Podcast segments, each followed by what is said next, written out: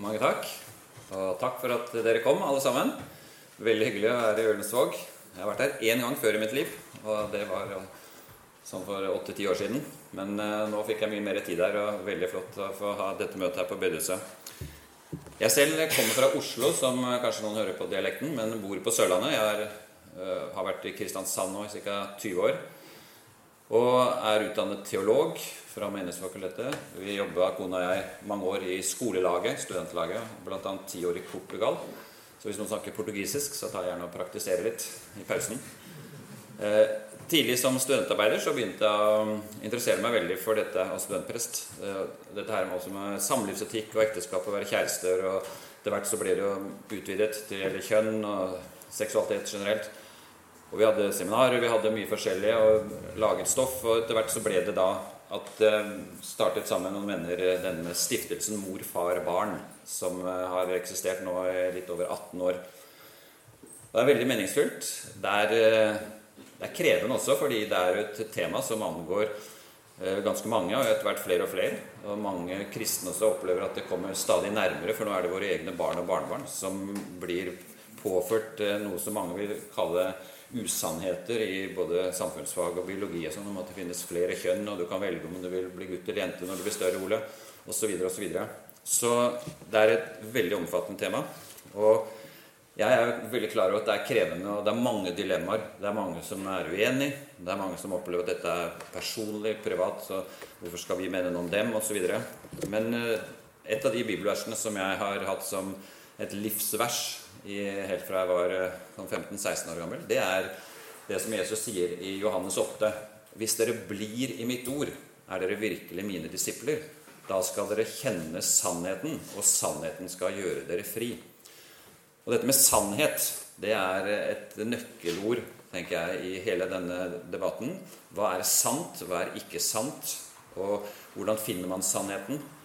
Både om biologi og om teologi om mennesket, om Gud, om tilværelsen, om ekteskap, om hvordan barn blir til, hvem er foreldre.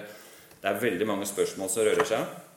Og det ser vi jo også i det som eh, er av spørsmål i samfunnet, i debatter, i påvirkning rundt omkring på mange arenaer. Men før jeg går dit, så bare si litt mer om meg selv. Jeg har også jobbet i skolelaget, som jeg sa, og vært i Åpne dører også i ti år. Og det er en organisasjon som støtter forfulgte kristne i mange land. Og det var veldig givende å jobbe der og møte både personer, men også gjennom eh, beretninger. Eh, trossøsken, kristne brødre og søstre som lever under fullstendig andre forhold enn oss, og betaler en høy pris for sin tro og sin overbevisning om at de vil følge Jesus. Og det handler litt om det å følge Jesus dette her også, tenker jeg, når, de, når vi snakker om uh, seksualitet og kjønn, og den debatten som er nå om det i Norge, og ikke bare debatt, men den utviklingen som foregår. For er vi villige til, som Jeg vet ikke om alle her er kristne, så du er hjertelig velkommen om ikke du deler min tro eller min, min overbevisning med dette. Men i hvert fall, uansett, de av oss som er kristne, vi ønsker jo å følge Jesus uh, i alle forhold. Ikke bare liksom på det mer sånn åndelige, trosmessige, men også i det praktiske livet. Og da angår disse spørsmålene oss veldig.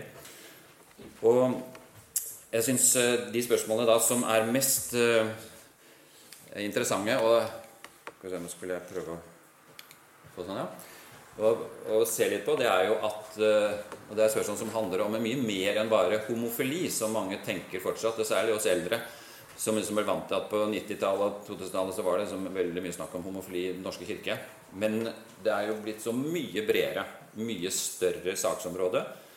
Og det ser vi bl.a. ved å stille noen få spørsmål som nå svirrer i, i, luften i det norske samfunnet. Er ekteskapet Guds skaperordning for én mann og én kvinne? Eller er ekteskapet en menneskelig oppfinnelse som vi står fritt til å definere som vi måtte ønske? Det er jo veldig interessant at ekteskapet ble omdefinert i 2008 fra å være det som de aller fleste land fortsatt har. Av eh, verdens 195 nasjoner så er det 34 land som har omdefinert ekteskapet til også å være for to av samme kjønn. Og Norge er et av de 34 landene. Eh, over 150 land står fortsatt på dette at ekteskapet er Om ikke det er Guds skaperordning, så er det i hvert fall en skaperordning basert på biologi. Eh, og det er jo det som er skillelinjen i norsk tenkning og praksis på dette feltet, det er jo det som skjedde i 2008. og Det kommer vi tilbake til, da ekteskapet i Norge ble omdefinert radikalt. Har barn rett til å kjenne sin egen mor og far og deres slekt? Eller har biologiske foreldre og slektninger liten betydning? Kan far og mor gjerne, like gjerne byttes ut med en omsorgsperson av motsatt kjønn? Er planlagt farløshet og morløshet til barns beste? Eller i kristen sammenheng er planlagt farløshet og morløshet etter Guds skapervilje? Er det noe kristne kan si at dette er, er noe gudvillet? Er samliv og ekteskap bare for to personer, eller er tre eller fire personer like bra? Hvorfor? Hvorfor ikke? Vi har jo en organisasjon i Norge nå som har eksistert noen år, som heter Poli Norge, som jobber aktivt for å innføre juridiske rammer og etter hvert ekteskap for flere enn to. Og De argumenterer jo bl.a. med at det er kjærligheten mellom tre personer mindre verd enn kjærligheten mellom to. Er ikke tre eller fire like bra? Og vil ikke barna få det enda bedre med flere omsorgspersoner? Osv. Og Det er en diskusjon som kommer etter hvert. Og Foreningen FRI forsvarer jo det Poli Norge står for. Og det er en del av mangfoldet i det FRIs tenkning. Det er at alle typer seksualitet er bra så lenge man gjør det frivillig. Er kjønn bestemt av biologi, eller er kjønn bestemt av følelser? Betyr XY-kromosomer hos oss menn og XX-kromosomer hos kvinner Betyr det noe? Det at alle celler i kroppen er signert med mannlig eller kvinnelig signatur, milliarder av celler, eh, betyr ikke det noe? Er det bare følelsene våre som betyr noe, og hva vi ønsker, og det som er preferansene våre for hvilket kjønn vi er? Det er mange, mange spørsmål. Dette er bare noe lite utvalg av hva dette handler om. Det er eh, kort og godt en revolusjon i måten å tenke på hos mange mennesker rundt om i Norge i dag. Og det er veldig mye slagord. Og det er mange som tenker at det dreier seg Nå ser Pride-flagget ja, dreier seg om inkludering og mangfold og kjærlighet.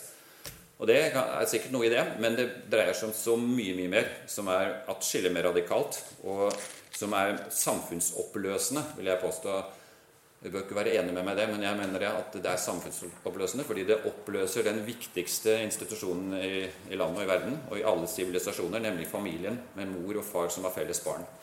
Og Når det blir oppløst, så skjer det radikale samfunnsendringer på sikt i generasjonsperspektiv. Hvis vi skal se på svarene som eh, pride-ideologien og radikal kjønnsideologi står for, hva de vil svare på noen av de spørsmålene der, så kan man jo da stille spørsmålet er kjønn bestemt av biologi. Nei, sier eh, den pride-friologien og skeiv teori, radikal kjønnsteori.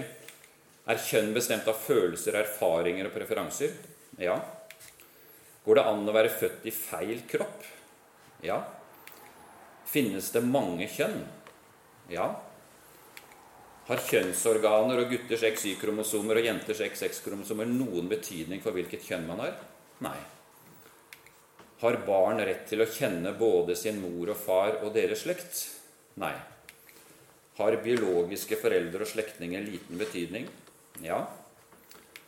Kan far eller mor uten problem byttes ut med en omsorgsperson av motsatt kjønn? Ja. Bør seksuelle relasjoner, samliv og ekteskap bare være for to personer? Nei. Er tre eller fire personer like bra som to personer i et samliv? Ja. Står mor-far-barn-relasjon i en særstilling? Nei. Er mange seksualpartnere positivt? Ja. Bør surrogati bli tillatt i Norge? Ja. Finnes det noen samlivsformer som er mer barnevennlige enn andre? Nei. Er en juridisk mann med vagina en virkelig mann? Ja.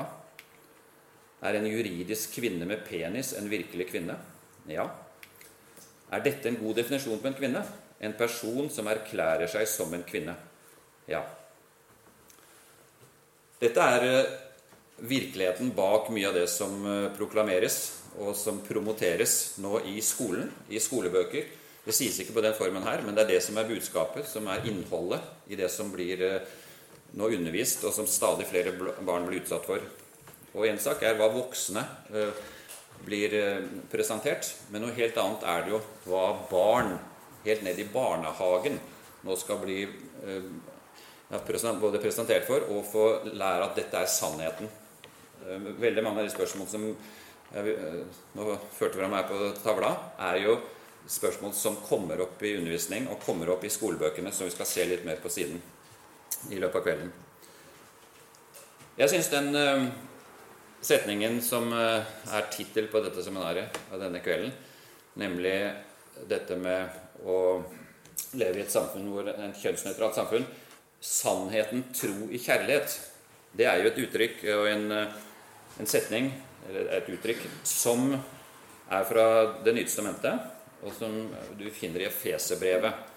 Og Det er veldig interessant å se det som er sammenhengen for det uttrykket, som jo er en nøkkel til hvordan kristne skal møte disse utfordringene. Vi skal ikke lenger være umyndige småbarn. Ikke la oss kaste hit og dit og drive omkring ved hvert eneste vindpust av ny lære, så vi blir et bytte for menneskers falske spill og listige, forførende knep. Men vi skal være tro mot sannheten i kjærlighet og i ett og alt vokse opp til Ham som er hodet Kristus. Det er veldig interessant med konteksten i sammenhengen dette står i. Fordi Paulus møtte jo også mye motstand og mange ting som eh, han visste det kan ikke kombineres med Guds vilje, med Guds skapervilje og med Jesu lære. Men allikevel, midt i den forfølelsen og listige, forførende knep som han skriver om, manipulering, hersketeknikker, maktspråk, så eh, visste han også at vi må følge Jesus når han sier at vi skal til og med elske våre fiender hvis vi har noen. Personlig har jeg ingen som jeg kaller fiender. Jeg vet ikke om noen kan se på meg som det, men i hvert fall det som er saken, er at ingen, uansett hvordan de oppfører seg i forhold til oss, skal vi avvise som, eh, som noen som er mindreverdig, eller som ikke er elsket av Gud, eller som ikke er, eh, ja, ikke er, den, er liksom skapt i Guds bilde. Nei, alle har vi et uutslettelig menneskeverd. Og det er jo noe av det store ved kristen tro. At uansett hvem du er, hva du mener, hva du tror på, om du er født sånn eller slik, om du har store skavanker, om du har Downs syndrom, om du er multifunksjonshemmet, hva som helst, så er du skapt i Guds bilde med det stempelet at Gud elsker deg. Og det må vi få fram så mye som mulig når vi snakker med mennesker, også om disse tingene. Fordi det er veldig mange misforståelser og mye bokstenkning om at vi er liksom, sånne som tror vi er bedre enn andre, og vi ser ned på andre. Vi eh, ser på oss som noe veldig spesielle hvis vi er kristne, og vi forakter andre osv. osv. Og jeg regner med at de aller fleste av dere, kanskje alle, er helt enige om at det er jo ikke sant i det hele tatt. Men det er mange som tror det, og derfor så må vi være veldig tydelige på sånne ting som Jesus har lært oss, bl.a. at alle mennesker er skapt av Gud og har samme verdi og menneskeverd. Vi er alle høyt elsket av ham. Men vi lever etter syndefallet i en ufullkommen verden der mye ikke fungerer slik Gud opprinnelig hadde tenkt det. Men vi er alle skapt og elsket av Gud. Vi har et menneskeverd basert på dette at vi er skapt i Guds bilde. Og Det er så viktig at vi holder fram og sier tydelig og høyt og imøtegår folk som misforstår og har vrangforestillinger om hva du sier å være kristen. Og så er vi kalt til å møte alle mennesker med nestekjærlighet. Med Jesu kjærlighet i ord, holdninger og handlinger. Og det er jo en utfordring som mange av oss synes er vanskelig, fordi vi kan bli skikkelig sinte og opprørt, og vi kan bli så hellig harme på ting som eh, ikke minst gjøres mot andre, mot barn, eller mot, eh, i verdenssammenheng også, mot fattige, undertrykkelse og alt mulig. Og Det er lov å ha hellig harme, men den skal være renhårig. Den skal ikke være sånn at vi, Ikke minst når vi møter enkeltmennesker, være fordømmende. Og Det er utrolig viktig å skille sak og person. Eh, Det er det mange som glemmer i denne debatten om kjønn og sånn. Vi, blir jo anklaget for at vi forakter mennesker, og vi vil ikke at de skulle være til og sånn, fordi vi er uenige med dem om spørsmål som har med kjønn og trans og sånn. Og det blir jo helt feil. Det må vi bare hjelpe folk til å skjønne at det har ingenting med saken å gjøre. Det er egentlig en hersketeknikk. Så det med å møte mennesker på en uh, måte som speiler Jesus, det er i hvert fall mitt ideal. Det er sikkert uh, veldig mange av deres også. Og så syns jeg det er veldig nyttig å tenke på dette at nestekjærlighet det kan også beskrives med andre ord. Og da tror jeg en veldig sånn konkret måte å gjøre det på, det er å velge ordet vennlighet. Og Det er faktisk en av åndens frukter det står om i Bibelen, i Galaterne 5. Eh, om at Gud ønsker at, å prege oss og gi oss åndens gaver, åndens frukter, som er kjærlighet, glede og fred, overbærenhet, vennlighet, godhet. Og Det med vennlighet det synes jeg er et veldig godt beskrivende ord på hva det vil si å vise kristen nestekjærlighet. Den kan bestå i mye mer enn vennlighet, men det er i hvert fall et av de viktigste skrittene når vi møter folk. Det er å være vennlige. Vise at vi bryr oss, ønske deres vel, og virkelig at de skal få forstå det, at vi ønsker dem alt vel og har ingen, ingen motstand eller forakt eller frykter dem i det hele tatt fordi vi er uenige. Nåde og sannhet det er jo et nøkkelbegrep også, de to ordene. Begge deler er nødvendig og bibelsk. Ikke bare nåde eller bare sannhet. Det er som to vinger, to årer, to togskinner. Begge er viktige og uunnværlige. Og Nåde og sannhet det er jo et uttrykk som vi finner i Johannes evangeliet, det første kapittelet, hvor det står at Jesus kom med nåde og sannhet. Ja, han var full av nåde og sannhet. Og det at vi trenger begge deler. Hvis vi bare viser nåde, er gode sånne snillister som bare gir etter for alt, for alt er jo greit. og ja da, bare gjør som du vil, vi skal være greie med deg. Uten å i det hele tatt å si sannhet, så blir det feil. Og det samme hvis man er veldig sånn retthaversk og ja, står for sannheten, må bare gi deg, for jeg har funnet sannheten, og ikke viser nåde, så blir det også helt skjevt. Så begge deler. Det er som to vinger på et fly. Hvis den ene blir borte, så blir det katastrofe. Samme en fugl. Så her må vi tenke og ha to tanker i hodet samtidig. Hvis vi skal gå inn på noen eh, få årstall og som, det som har skjedd i Norge de siste årene, de siste tiårene, så hopper vi 50 år tilbake for å starte. Det er bare en kort, liten tidslinje her. Og 1972 det er et år hvor to paragrafer i straffeloven ble fjernet. Det ene det gikk på samboerskap mellom mann og kvinne. Det var ulovlig. Det var egentlig ulovlig for norske menn og kvinner å bo på samme adresse hvis de ikke var gift. Og Det var en sovende paragraf som ikke noen hadde blitt dømt etter på mange tiår, kanskje 100 år, men i fall den, den sto der fortsatt som en, et signal at samfunnet ønsket at folk skulle gifte seg. Bl.a. fordi det er det tryggeste stedet for barn å vokse opp. Men det ble fjernet da, for det var allerede mange som var samboere. og det, det var jo selvmotsigende at skulle være en paragraf i straffeloven som ikke virket, som ikke hadde funksjon. Så den ble fjernet. Og så ble en annen sovende paragraf fjernet også, som var den at det var ikke lov med seksuelle relasjoner mellom to menn. Den hadde også ikke vært brukt på mange år, men den ble fjernet. Og de to, det var liksom begynnelsen på bare mye mer med samboerskap, og at det ble akseptert med homofili på en helt annen måte enn det hadde vært før. Det var ikke noen revolusjon der og da, men i løpet av de neste årene så begynte det merkes. Og da fikk vi ja, da glemte jeg å trykke fram det. Forbudene mot samboerskap og mot homoseksuelle handlinger ble avskaffet. Og så, i 1993, fikk vi partnerskapsloven for par av samme kjønn. Den ble innført. Den var nesten identisk med ekteskapsloven. Det var nærmest en avskrift av den. Men hovedforskjellen var at staten hjalp ikke likekjønnede par å få barn. Så er det interessant at eh, for dere som er eh, under 30 år, i hvert fall under 20, så, så husker dere kanskje ikke engang at partnerskapsloven eksisterte. Men eh, vi hadde den altså i 15 år, hvor partnerskap mellom to av samme kjønn, to menn eller to kvinner, var registrert som partnere og hadde akkurat de samme plikter og rettigheter som ektepar. Når det gjaldt alt med juridiske forhold, med arv og med alt. Det var som et ekteskap, men det var barn som var unntatt, først og fremst. Og det syntes nå etter hvert eh, sånn rundt 2000-tallet at det var urettferdig. Det var eh, ikke sånn det burde være i Norge. For to av samme kjønn burde også få rett til barn. Og at staten skulle både tillate adopsjon til to av samme kjønn, og at eh, barn ikke nødvendigvis skulle Det skulle kreves at de skulle vokse opp med sin mor og far. En omsorgsperson er godt nok. En ved siden av, av den som egentlig har enten gitt sæd eller egg. Så da fikk vi også i 2008 den kjønnsnøytrale ekteskapsloven. To av samme kjønn kan gifte seg. Og det er eh, et vannskille eh, på mange måter i hele familietenkningen og lovgivningen i Norge.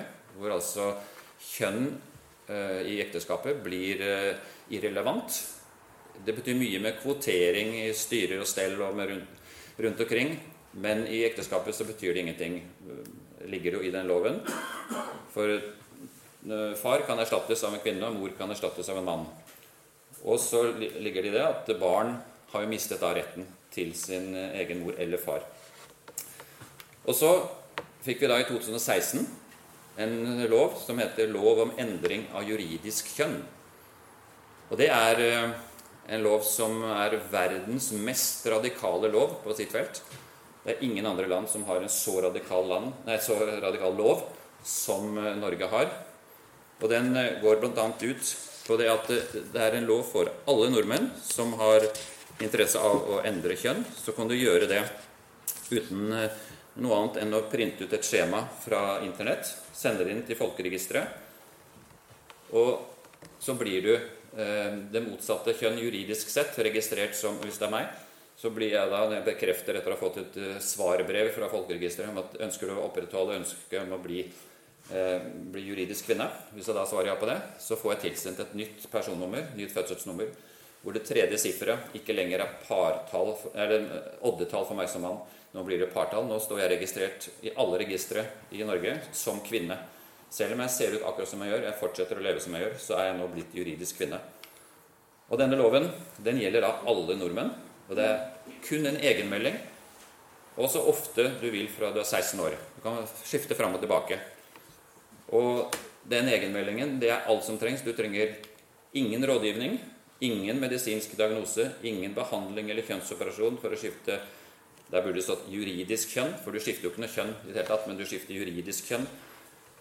Og du bør ikke oppsøke fastlegen eller få noe som helst fra noen andre. Du kan gjøre det i hemmelighet, nærmest. Ingen bør, behøver vite engang, annet enn at det står i alle registre at uh, jeg er nå blitt kvinne. Ja, det står ikke engang at jeg er blitt kvinne, men nå er jeg kvinne. Barn ned til seks år kan også skifte juridisk kjønn dersom begge foreldre er enige. Så hvis to foreldre ser det enten at barnet har tendenser til å ville være det motsatte kjønn på en eller annen måte, eller de selv ønsker å få en jente istedenfor en gutt, så kan de faktisk da eh, søke om å få endret juridisk kjønn på det barnet. Og da vil jo det barnet få nytt navn, og det vil påvirke hele klassen og kanskje hele skolen på at nå er det Ola blitt, eh, blitt Amalie.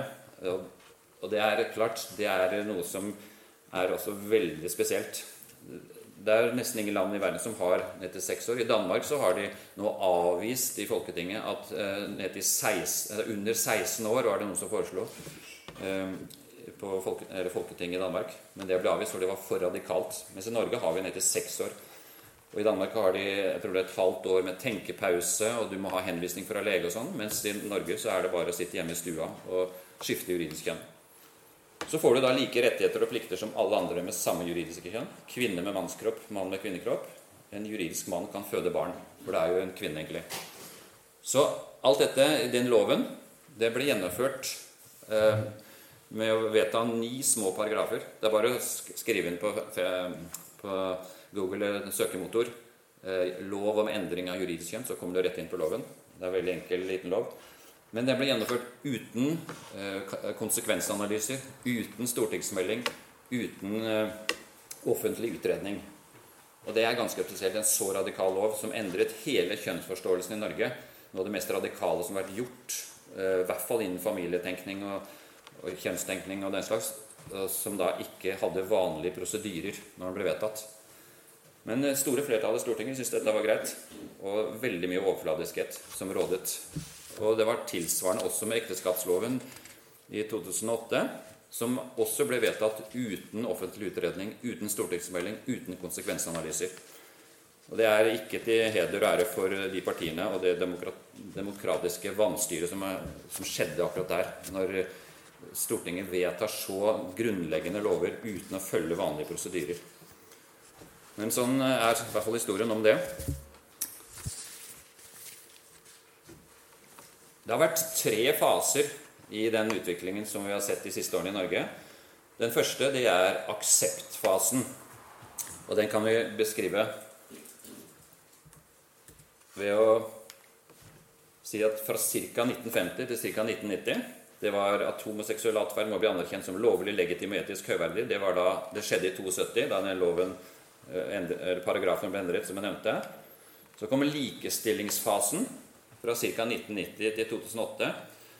Den likestillingen besto først i en, eh, noe som var så å si helt likestilling, men ikke fullt fordi barn ikke var med. Og Det var partnerskapsloven, som vi nevnte. Og så kom da 2008 den kjønnsnøytrale ekteskapsloven. Da ble det så å si fullstendig likestilt. Og så fikk vi likekjønnet vigsel i Den norske kirke også eh, da i 2017. som fulgte da statens uh, nye lovgivning. Da det ble diskutert ti år tidligere, i 2006 og 2007, uh, før loven ble vedtatt i Stortinget om ekteskapet i 2008, så var alle kirkelige organer i Den norske kirke, bispemøtet og Kirkerådet og Kirkemøtet, og også lærenemnda, var enig med stort flertall at ekteskapet kan kun være mann og kvinne. Mens ti år etterpå så endret da Kirken snudde 180 grader eh, om på det, og med mange forskjellige omdefineringer i sin teologi. Alle var ikke enige, selvfølgelig, men det var et stort flertall i Kirkemøtet å gjøre det. Og nå er vi inne i dominansfasen fra ca. 2010. Den radikale kjønnsideologien blir stadig mer dominerende i skole og kultur, media og samfunn. Tradisjonelle normer og klassisk kristen seksualetikk blir motarbeidet og marginalisert forkastet og fordømt. På stadig større områder og flere områder. Og så er det en eh, fjerde fase som eh, folk nevner til meg nå. Jeg, jeg sier ikke at det, det mener jeg foreløpig er kommet, men det er mulig den kommer. Og det er kriminaliseringsfasen. Hvor det blir altså straffbart å ikke innordne seg, underordne seg skeiv teori eller det vi kan kalle den radikale kjønnsideologien. Det første som eh, da kommer, som virkelig kan bli straffbart, det er jo det som eh, mange av dere sikkert har hørt om, nemlig konverteringsterapi. Hvor altså det består i at noen ønsker å hjelpe noen som trenger det fordi de sliter med sin seksualitet. Det kan være voksne mennesker på 30 år eller 40 år eller noe, som nå ikke får lov til i prinsippet å oppsøke hjelp fordi det er forbudt å hjelpe noen med noe som kan defineres som en metode å påvirke noen til å, å endre sin seksuelle orientering eller kjønnsidentitet. Det framstilles som så destruktivt og negativt i departementets høringsnotat, som er på 110 tettskrevne sider. Og det refereres til masse forskjellige eh, undersøkelser og argumenter for at dette må forbys. Men så er det så ensidig og så eh, tendensiøst, veldig mye av det står i det høringsnotatet som eh, politikerne nå skal bygge på. For det står ikke nevnt ett eneste punkt om positive sider. For det finnes mange positive sider ved at terapeuter og psykologer kan hjelpe folk å følge det voksne mennesker ønsker med sitt liv. Men eh, det defineres som så negativt å i det hele tatt være interessert i å endre sin seksuelle orientering eller styrke sin eh, f.eks. heteroseksuelle tiltrekning for en biseksuell person. Så dette er en veldig merkelig lov på mange måter, men samtidig så er den ganske skremmende fordi den kan misbrukes lett, eh, og den kan eh, føre til fengselsstraff i opptil seks år hvis du blir dømt for å ha prøvd å påvirke noen til å endre, undertrykke eller et ord til sin seksuelle orientering eller kjønnsidentitet. Og særlig så er det jo alvorlig for foreldre som eh, har barn som er kjønnsforvirret, og som en 13-åring kanskje, som ønsker å bli gutt, eller se ut som en gutt. Og så vil foreldrene at eh, hun skal vente til eh, hun har blitt voksen, til 18 år. Og midt i puberteten det er så mye som skjer. Du kan endre deg. Det kan skje så mye. Du får ikke lov til å begynne med hormoner eller pubertetsblokkere nå ennå. Og det kan bli alvorlig for foreldrene, og særlig hvis de tar henne med til en psykolog eller psykiater for å nøste litt og se hva er det som kan være løsningen på hennes eh, utfordringer. Så og Da er det jo omtalt også hos regjeringen og departementet at også foreldre kan bli straffet hvis det viser at de har drevet med såkalt konverteringsterapi. Prøve å hjelpe barnet sitt til å bli glad i kroppen sin. Hvordan dette vil bli praktisert, det vet jeg ikke, men i hvert fall dette er noe som begynner å, å smake veldig av kriminalisering. Så dette er noe av det som har skjedd eh, på de siste 50 årene, og den fasen som vi nå er i, som jeg foreløpig kaller dominansfasen, men som kanskje allerede er i ferd med å bli noe mer. Og da er det jo interessant å se hva som har skjedd i bare de få siste årene.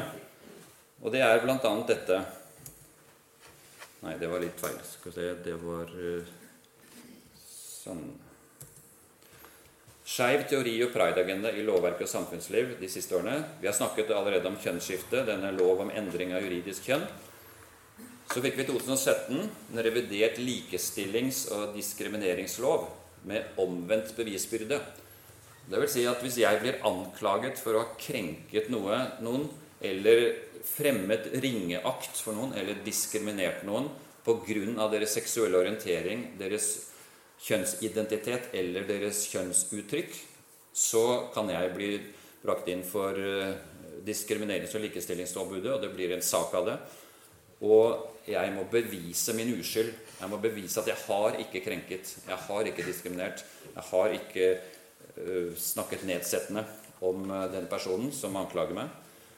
Og jeg, fikk, jeg, ble kjent med en fra Østfold som opplevde noe lignende, eller noe som var på dette feltet, for noen år siden. Og han ble anklaget for ikke å ville leie ut et hus på gården sin til et par som han ikke visste var et lesbisk par. Men de skulle drive med ungdomsarbeid der, og de fant ut de kunne ikke gjøre det. De hadde mer enn nok av andre aktiviteter, så de sa nei takk. Og så kom det fram at de var lesbiske, og så mente de at de hadde de som eide huset, hadde sagt nei takk til dem fordi de hadde fått vite at de var lesbiske og derfor ikke ville leie ut til dem. Og så gikk de da til ombudet. De gikk til Foreningen FRI, fikk advokathjelp der. Kostet dem ingenting. Mens denne familien som eh, da ble anklaget, måtte bevise sin uskyld. Og det kostet dem 300 000 kroner advokatutgifter i løpet av to år å bevise sin uskyld. Og det, det sier litt om uh, situasjonen nå, hvor de aller fleste lover er jo sånn at du er uskyldig til det motsatte er bevist. Men er, du er skyldig hvis det er sannsynlig at du har gjort det. Og det vil jo ofte kunne framtres som det er ja, sannsynlig, siden det er noen som mener de har opplevd det. Så den er ganske eh, radikal, den omvendte bevisbyrden der, denne loven. Så er det revidert straffelov i 2020. Innføring av begrepene seksuell orientering, kjønnsidentitet og kjønnsuttrykk i åtte paragrafer i straffeloven. Hvor da strafferammen er opptil tre år i fengsel. Hvis du krenker noen, du fremmer ringeakt, eller du diskriminerer noen eh, pga. disse tre begrepene. Og så har vi ikke noe som er lov, men som er altså et ord som svirrer i luften, og som er veldig vanlig å høre kjønnsmangfold. Det ligger f.eks. i ordet og navnet til Foreningen FRI, som jo heter Foreningen FRI Forening Foreningen for kjønns- og seksualitetsmangfold. Og det er jo ikke en sannhet i det hele tatt at det finnes et kjønnsmangfold. Eh, det finnes et kjønnsidentitetsmangfold, men ikke et kjønnsmangfold. Da vil jeg bare nevne noe som er veldig interessant. at han som er kanskje den største autoriteten i Norge på eh, disse spørsmålene om hvor mange kjønn det finnes. Det er en som er professor i evolusjonsbiologi på Universitetet i Oslo. Han heter Glenn Peter Sætre, og han kom med bok på torsdag og tre dager siden, som, eller fire. Og det, han, den boka heter 'To kjønn'. Og Den er verdt å skaffe seg. Kanskje kjøpe den sammen, to-tre stykker. Eh, hvis dere ikke vil kjøpe en bok. Den koster 375 kroner, men det er ikke så ille hvis det er en kjempegod bok. Og det tror jeg det er. Og han eh, argumenterer sterkt og varmt og overbevisende på at det finnes kun to kjønn. Og det er veldig interessant i Norge i dag, for eh, mange vil jo si at det er hatefull tale. Men når du har biologien på din side og vet at det er det som er sant Resten er kjønnsidentiteter bygget på subjektive opplevelser og preferanser og følelser. Så det er i hvert fall eh, en interessant sak. Og han Espen Ester Perelle Benstad, som eh, de fleste av dere sikkert har hørt om, han eh, er jo den mest kjente sexologen og som selv regner seg som en transperson med flytende kjønn. Han er kjønnsflyter. hvor han eh, går, Når han går ut offentlig, altså er ute på gata eller treffer folk, så er han i, i kvinnelige uttrykk. Og når han er hjemme og jobber, så er han i mannlige uttrykk. Så eh, har han da bl.a. en liten video på NRK som heter 'Visste du at det finnes sju kjønn?' Og Da har jeg tenkt at vi skal se en liten, kort video som eh, handler om akkurat eh, dette her med kjønn, og med hva barn nå er forvirret om i skolen, ikke minst. Hvis du kunne komme fram og bare hjelpe meg litt. Så skal vi se det nå i løpet av noen få minutter transgender også. Ikke det der. Han Gender fluid. Flere enn det, da. Begge deler går det sånn. Jeg tenker jo litt sånn ut ifra naturen, så er det jo stort sett to kjønn. Vi skal snakke litt om det som har med biologisk kjønn å gjøre. Når elevene ved Fyrstikkalleen skole har seksualundervisning, lærer de i hvert fall at kjønn er noe langt mer enn mann og kvinne. Hvem vet om denne personen eh, har en vulva, en penis eller noe i midten? Jeg visste ikke at det var tre biologiske kjønn. Nei, ikke heller. Jeg trodde det var to. Ja, men jeg tror liksom interkjønn var ikke liksom regna som et biologisk kjønn. da. Det er som vi hadde. Hun prøvde jo så godt hun kunne bruke ordene person med penis og person med vagina istedenfor gutt og jente. da. Er det noen av dere som tenker at det bare er to kjønn? At det er de som holder til? Nei, nei, nei. Og de får støtte fra leger som argumenterer med at mann og kvinne bare er ytterpunktene på en skala, også biologisk. Samtidig er det ikke lenger biologi som definerer kjønn. Altså, hva slags kroppsdeler du er med, har ingenting å si med hvilket kjønn du er. Når statlige Bufdir skriver om barn og seksualitet til norske foreldre, skriver de at de som er født med penis, oppfattes som gutter, og de som er født med vagina, oppfattes som jenter. De er altså ikke gutter og jenter, men de oppfattes slik. Hva de er, må de finne ut av selv. Altså, ingen av dem kan bestemme hvilken identitet du skal ha. Det er jo bare du som kan kjenne på hva du føler deg som. Men hva kan det være? Um, det finnes non-binary, Ja. gender fluid, og så er det agender, demigirl og demiboy. ja. Og så er det jo uh, trans, altså transperson og cis-person. På ung.no, som driftes av Barne-, ungdoms- og familiedirektoratet, er det haugevis av spørsmål om disse tingene. Og da en 15-åring spurte om det var galt å mene at det bare er to kjønn, fikk han til svar at det var omtrent som å mene at jorda er flat. Her henvises det til en videosnutt på NRK hvor fasit er sju. Hvorfor akkurat disse sjua? Nei, det er for dette jeg har møtt. Altså, hvis du har litt opplegg til meg, så er det også velkommen hvis du møtte en ny i morgen som definerte på avvokst, så ville du tatt opp Ja. Ja. Og da vil det sagt og, I terrenget står det bare syv førsteutkast, men der er det kommet opp. Da må vi ta det inn i kartet, for det, det fins i terrenget. Men når du snakker om disse sju kjønnene, Ja. snakker du om hva om kjønn eller kjønnsidentitet? Jeg snakker nok eh, mest om kjønnsidentitet. Jeg snakker nok mest om det som heter gender på engelsk. Men biologisk sett er det ikke så vanskelig. Korea. Velkommen. Hvordan kan man snakke? Så kjønn det har med um, forplantning å gjøre. Hva med interkjønn, da? Interkjønn det er en uh, samlesekk av veldig mange forskjellige ting. Alt dette er såkalte intersex-tilstander. Men at det beviser at det finnes mer enn to kjønn, eller at kjønn er en skala, det vil ikke Sætre komme med på. Nei, jeg vil ikke si at det rokker ved todøgn på noen som helst måte. Eh, Altså, har jeg valgt å si at vi har eh, at vi har født med ti fingre, for at det av og til føles noe med, med flere og færre.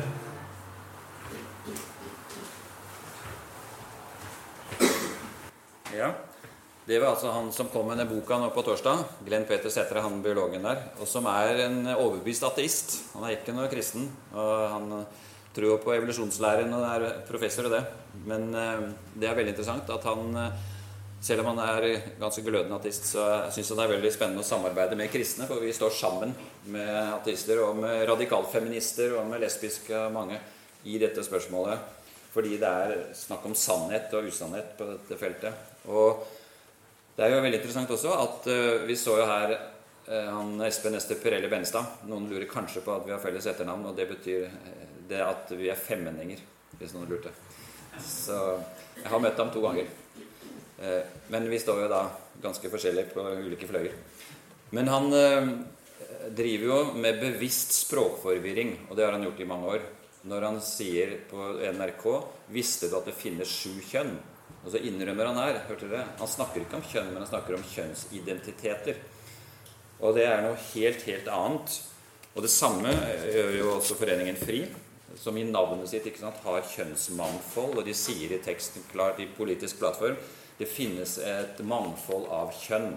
Og de lærer lærerne i Rosa kompetanse skole, hvor de gir kurs til lærere, at lærerne bør oppmuntre alle elevene alltid til å snakke om gutter, jenter og andre kjønn.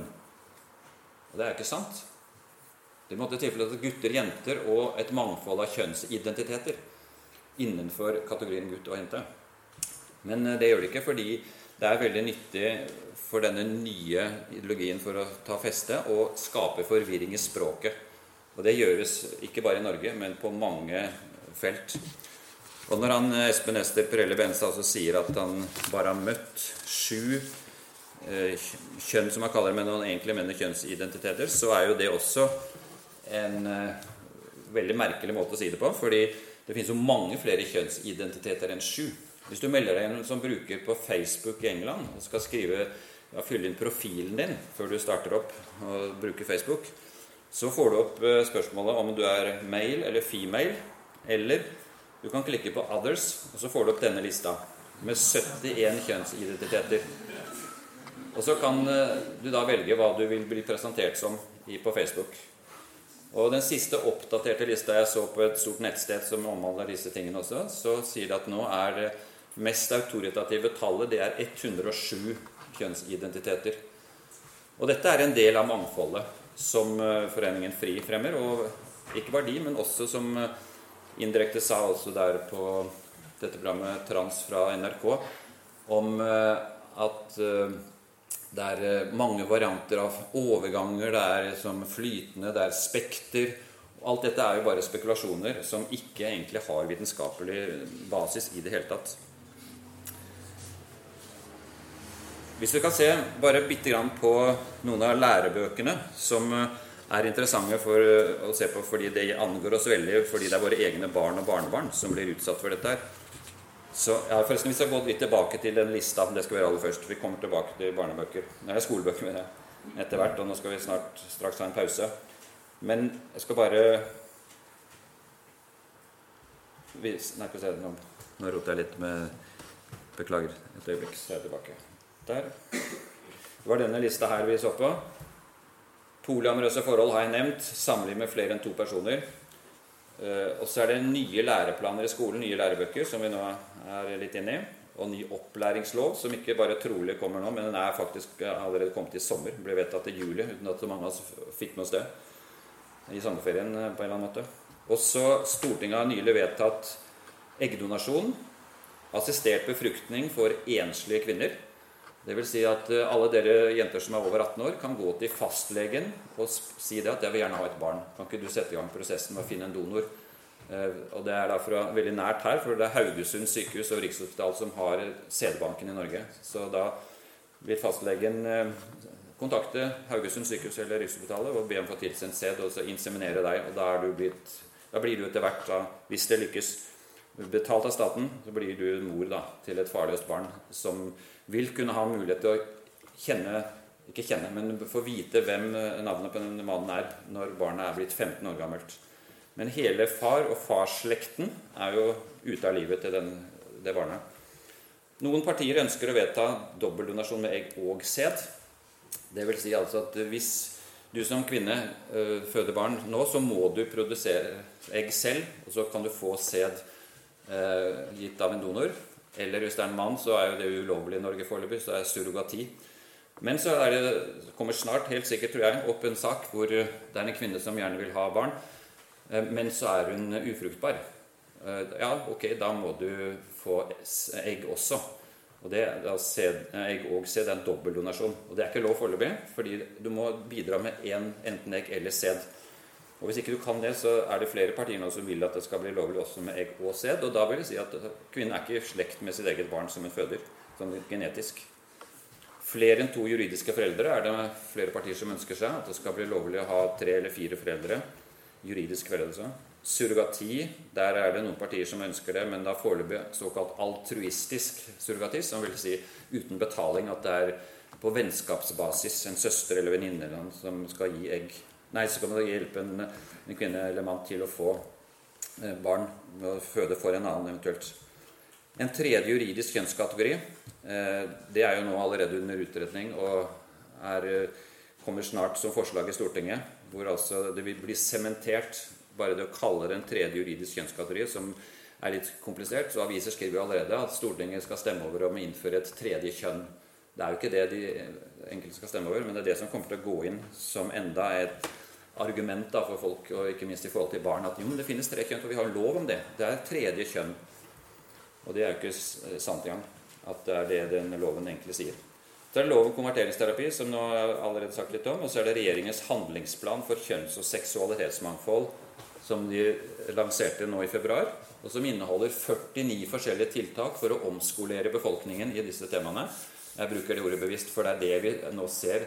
Det er et prosjekt fra hele eliten i samfunnet, på Stortinget og regjering, at eh, alle konservative kristne, muslimer og alle andre de må omskoleres så de godtar skeiv teori. Kort og godt. Og der kommer vi til å møte mange utfordringer i tida som kommer, tror jeg, på mange plan. Og fire av disse 49 tiltakene, som nå alle kommuner i landet blir oppfordret til å gjennomføre, de retter seg mot kristne og mot eh, religiøse forsamlinger og grupper. Så fire forskjellige tiltak som alle ledere i kristne sammenhenger må forberede seg på. Og Det er ikke noe som er vedtatt i lovs form, men det er noe som regjeringen har sendt ut til alle kommuner. Dette er litt sånn eh, av det som har skjedd de siste få årene, og er i ferd med å skje. Og da er vi kommet til pausen, så det kan jeg la det bildet stå på hvis noen vil snakke litt mer i radene eller om andre ting, så bruk gjerne pausen til det og samle på spørsmål eller kommentarer hvis dere vil. For vi får jo på slutten av neste eller siste tredje sesjon på en halvtimes tid, så er det åpning for spørsmål og kommentarer og innspill av forskjellige slag. Så husk det hvis dere eh, ønsker det. Men nå er det pause, og da blir det litt servering. Og det blir eh, forskjellig. Da må du Ja, da begynner vi på andre sesjon. Dette er jo skikkelig etter tida. Dere er gode. Veldig flott med så stor forsamling, og så greier vi å starte nøyaktig på minuttet. Så jeg nevnte så vidt helt i begynnelsen at uh, mitt kanskje viktigste livsvers det er dette her som står i Johannes 8, 31-32. Hvis dere blir i mitt ord, er dere virkelig mine disipler. Da skal dere kjenne sannheten, og sannheten skal gjøre dere fri.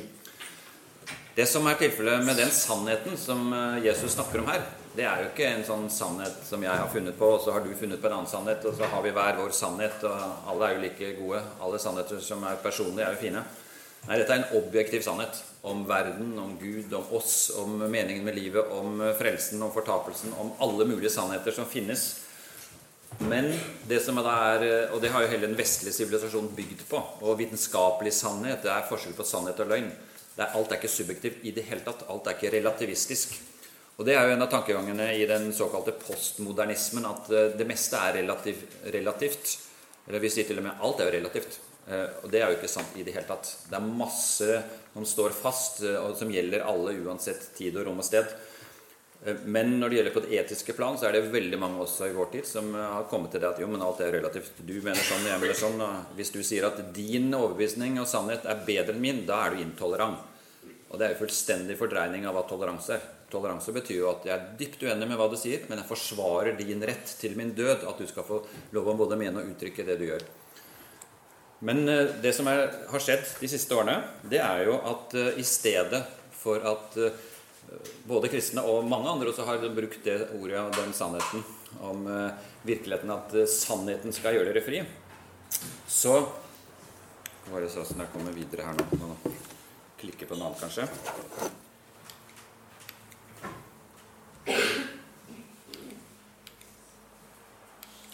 Der jeg har et eller annet problem her, ja. Jeg får ikke neste. Er det noe som har Liten pause med noe teknisk. Der, ja. Nettopp. Budskapet fra postmodernismen og pride-ideologien det er ikke at sannheten skal gjøre dere fri, men at friheten skal gjøre dere sanne.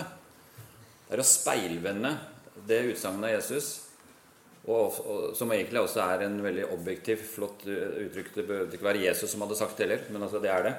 Men at friheten skal gjøre dere sanne, og det er jo noe fullstendig annerledes. For det er ikke sannheten lenger som står i fokus, det å finne sannhet. Nei, det er å være grenseløst fri fra alt som, alt som, binder deg, alt som uh, du har i din fortid av normer og tradisjoner, av alt du har lært deg sant og godt og rett. Sett spørsmålstegn ved det. Driv normkritikk. Det er et, sånn et motord nå, både i lærerutdanning og mange andre steder. Vi skal kritisere alle normer som vi har fått fra våre foreldre og våre forfedre. Og barna blir også oppfordret til det, langt ned i liten alder. At det er ikke sikkert at uh, det som mamma og pappa sier er det beste for deg. Kanskje du mener noe helt annet, og du føler at du faktisk ikke er den du er engang. Eller det, du, det folk sier du er. Fordi du er så fri at du til og med kan frigjøre deg fra kroppen. Eh, din identitet er ikke bestemt av om du er født som gutt eller jente. Nei, din identitet den finner du bare ved å lete deg selv.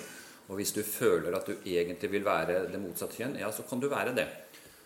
Og den type frihet som er grenseløs, den er jo ikke eh, sunn, og den er ikke byggende, den er ikke bærekraftig. For vi er ikke skapt som mennesker uten grenser, uten noe som helst eh, ja, begrensninger. Det er masse rammer, på samme måte som fuglen er skapt for å fly i lufta, og, og fisken er skapt for å være i vannet. Og vi mennesker egentlig dypest sett og teologisk sett er skapt for å være i Kristus. Det er der vi finner vår dypeste identitet. Så, så er ikke mennesker skapt til å leve i et vakuum eller et fritt svevende rom.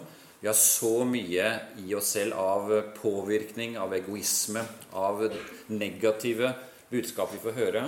Og det som nå er tilfellet, er at når folk da skal finne seg selv og liksom finne hvem er jeg egentlig, så hører de jo mer på TikTok og på influensere på YouTube og på andre og tror liksom at nå er jeg fri. Og så er de jo påvirket til tusen eh, av masse rare budskap og til og med løgnaktige budskap. Og kanskje også fordi folk ønsker å tjene penger på oss. Og denne, dette utsagnet her med friheten skal gjøre dere sanne, det syns jeg er en ganske sånn fin nøkkel altså til å forstå mye av det som skjer rundt oss, med at folk kan virkelig mene det de gjør, i forhold til kjønn, ikke minst. Ja, det er jo fordi friheten er blitt eh, et overordnet begrep som står i en helt annen klasse enn både sannhet og andre ting. Hvis du føler at du ønsker å være det motsatte kjønn, eller du ønsker å være noe midt imellom, eller du ønsker å være noe, noe som er ikke-binært, som folk snakker om nå, verken mann eller kvinne, så er det helt greit. Da er det du som har rett.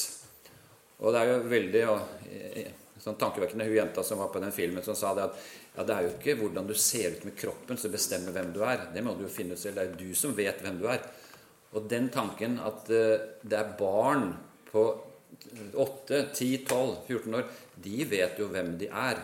Og hvis de føler at de ikke er det kjønnet de ser ut som, ok, da, da er det ikke det. Det er de som vet hvem de er. Og det er bare så utrolig naivt og overfladisk.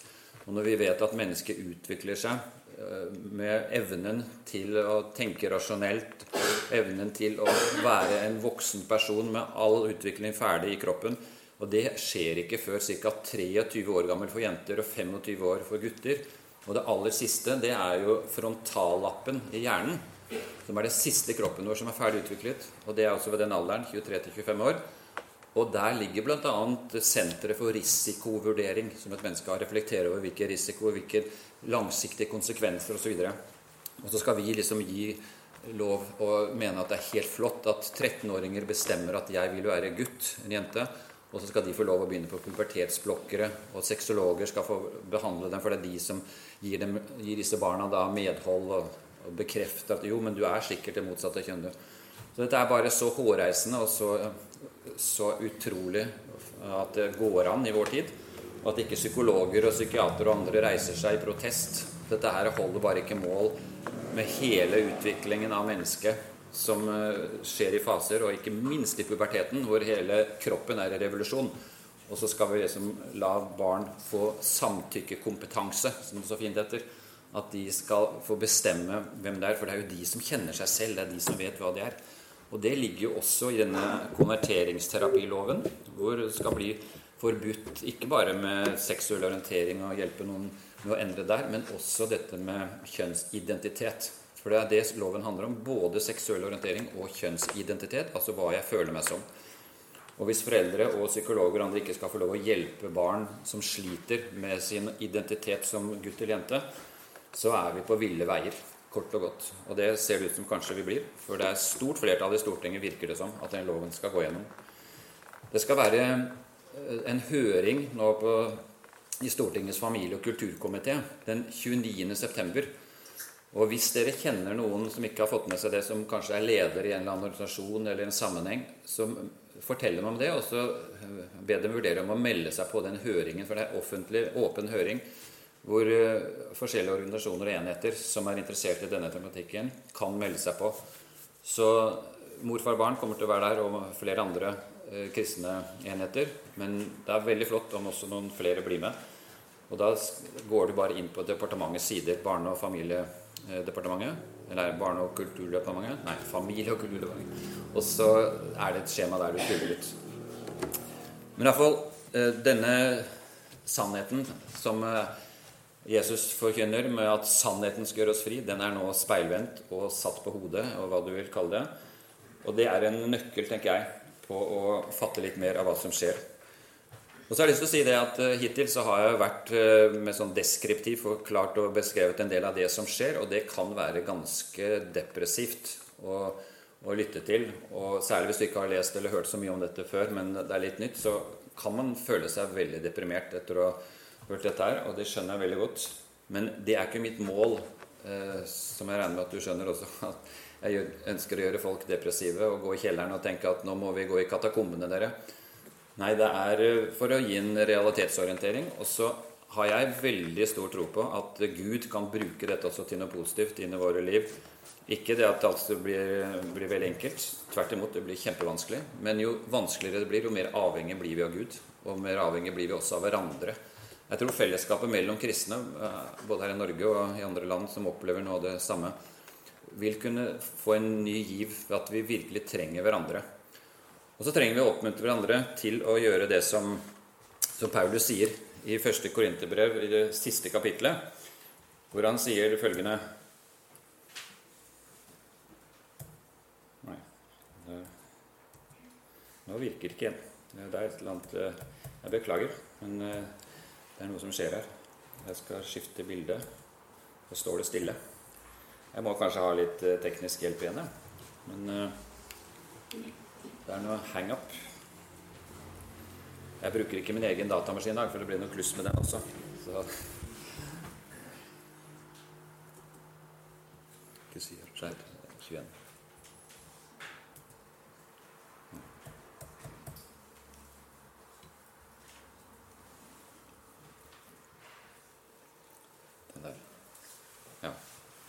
Der må jeg gjøre sånn, da. Ja. Bare dra bortover. Flott. Takk skal du ha.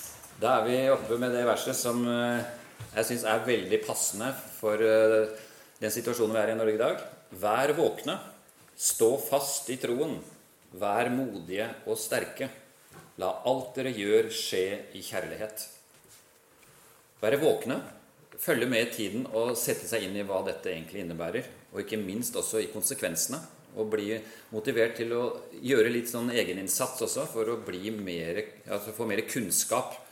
Og det som jeg sier til alle, gjentar det for dere også, det er at jeg vil oppfordre hver enkelt av dere til å skaffe dere litt mer kunnskap. Sette dere et mål ved å sette av en time f.eks.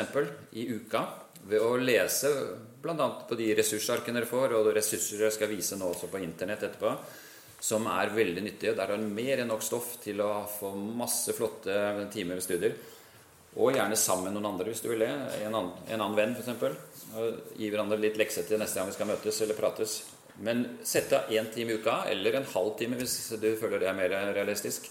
Men altså jobbe med tematikken, sånn at du i hvert fall kan snakke med noen venner eller kolleger, eller i hvert fall kan snakke med barn eller barnebarn.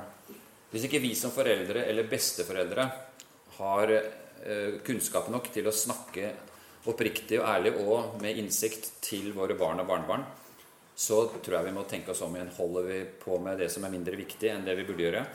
For dette er så avgjørende for mange barn nå i, årene framover. Og der må vi som foreldre og besteforeldre trå til og, og, kunne noe om dette stoffet. I hvert fall er det min mening. Og det har med det å være våkne. Stå fast i troen. Eh, stå støtt på fjellet, på Jesus som klippen. Samtidig som vi gjør det da i kjærlighet, som det står i siste delen av verset her. Å være modige og sterke syns jeg er flott også. At vi må våge å gå litt ut av komfortsonen. Eh, ikke alltid bare gjøre det vi syns er behagelig. Men det står også i, flertall. Det står ikke bare 'vær modig og sterk'. Nei, modig og sterke som fellesskap. Vi er kalt til å, å være med i denne, ja, denne kulturkampen som nå foregår, sammen som fellesskap.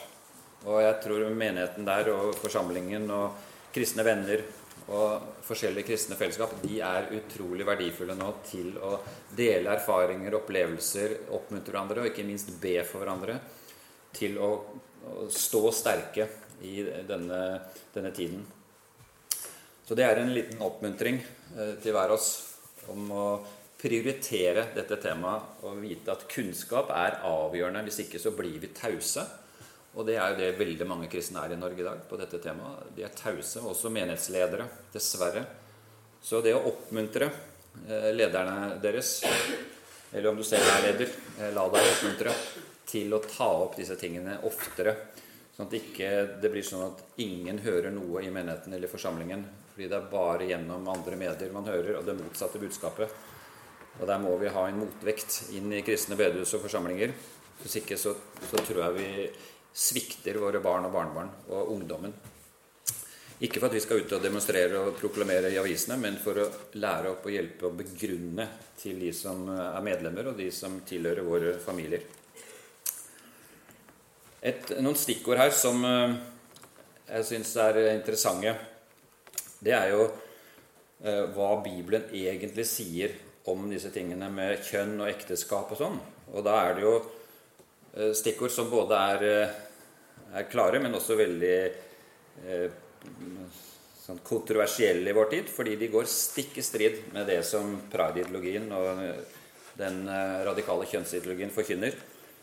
Og det er fem stikkord som skal nevne for dere. Dere får et papir etterpå hvor disse fem står, så dere behøver ikke å skrive ned hvis dere ikke vil det. Og det er fem sannheter og normer bekreftet av biologien, barns rettigheter og Bibelen.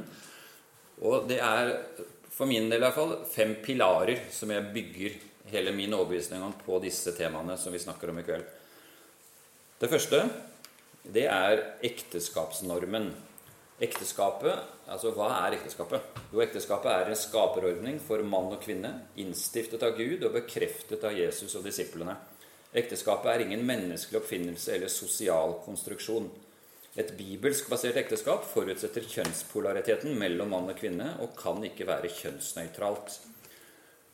Så Hvis vi oppgir at ekteskapet er for mann og kvinne, og sier at det kan være egentlig hva som helst som Stortinget definerer, så, så bryter vi et stort hull i demningen.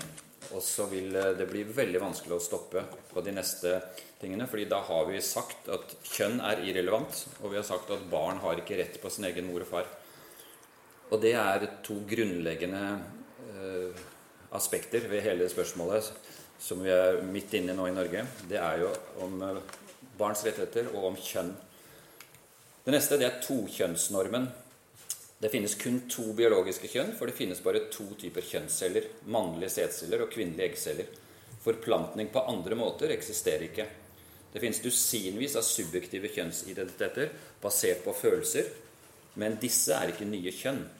Begrepet kjønnsmangfold er et usant og manipulerende ord som ikke har vitenskapelig basis. Holder fast på to kjønn.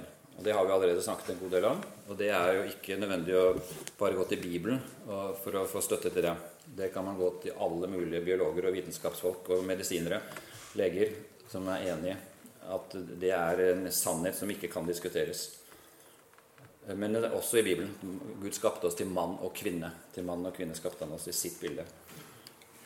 Og så er det mor-far-barn-normen. Mor-far-barn-relasjonen er unik og står i en særstilling. Den er grunncellen i alle sivilisasjoner og samfunn. Den er vesensforskjellig fra alle andre relasjoner, ettersom ingen andre relasjoner kan gi opphav til nytt liv. Mor-far-barn-relasjon er ikke en normalvariant.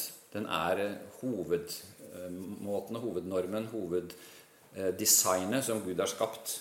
Eller hvis du ikke tror på Gud, eh, som evolusjonen har skapt, som viser at det er eh, biologisk betinget at barn blir født, nemlig med mann og kvinne, mor og far. Og da er ikke det noen variant. Det er grunnvollen for menneskelivet, og som er grunnvollen for alle sivilisasjoner som har eksistert på denne jord.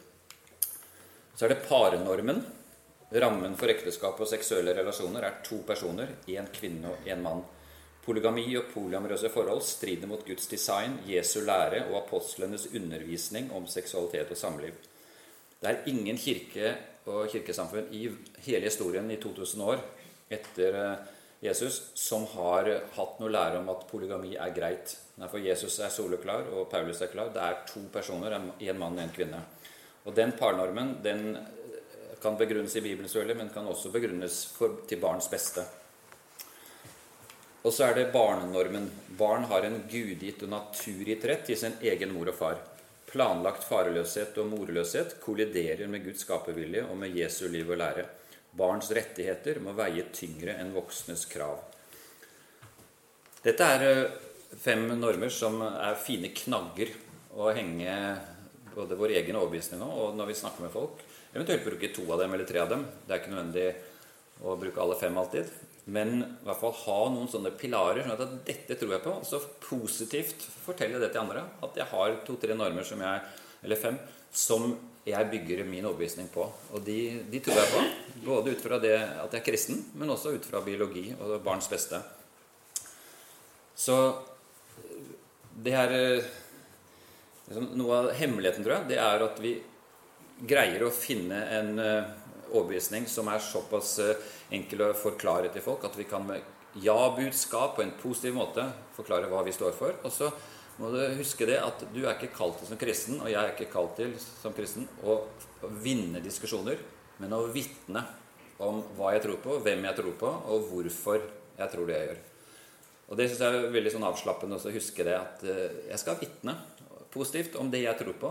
Du kan mene noe helt annet enn å snakke med. Det er helt greit. Det aksepterer jeg. Respekterer deg. Ønsker å være, ha en god relasjon med deg, være venn med deg videre. Men der er jeg ikke enig med deg. Men jeg mener sånn og sånn. Ikke fordi jeg forakter deg, eller noe sånt, men fordi jeg har en annen overbevisning. Så ja-budskap er veldig nyttig i denne tematikken. Og ikke alltid snakke mot hva vi ikke er enig i, men snakke for det vi egentlig står for, og som er grunnvollen vår.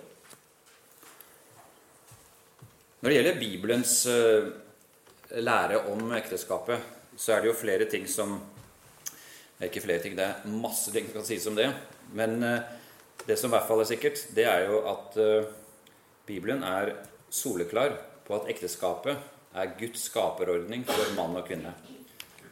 Det er et entydig budskap i skapelsesberetningen, i de ti bud, i Jesu liv og lære, i alle beretninger, eksempler og undervisning i hele Bibelen i Det nye testamentet så er Kristus brudgommen, og menigheten er bruden. Og Verken Det gamle eller Det nye testamentet antyder at ekteskapet kan være noe annet enn mann og kvinne. Det finnes ikke ett unntak i hele Bibelen.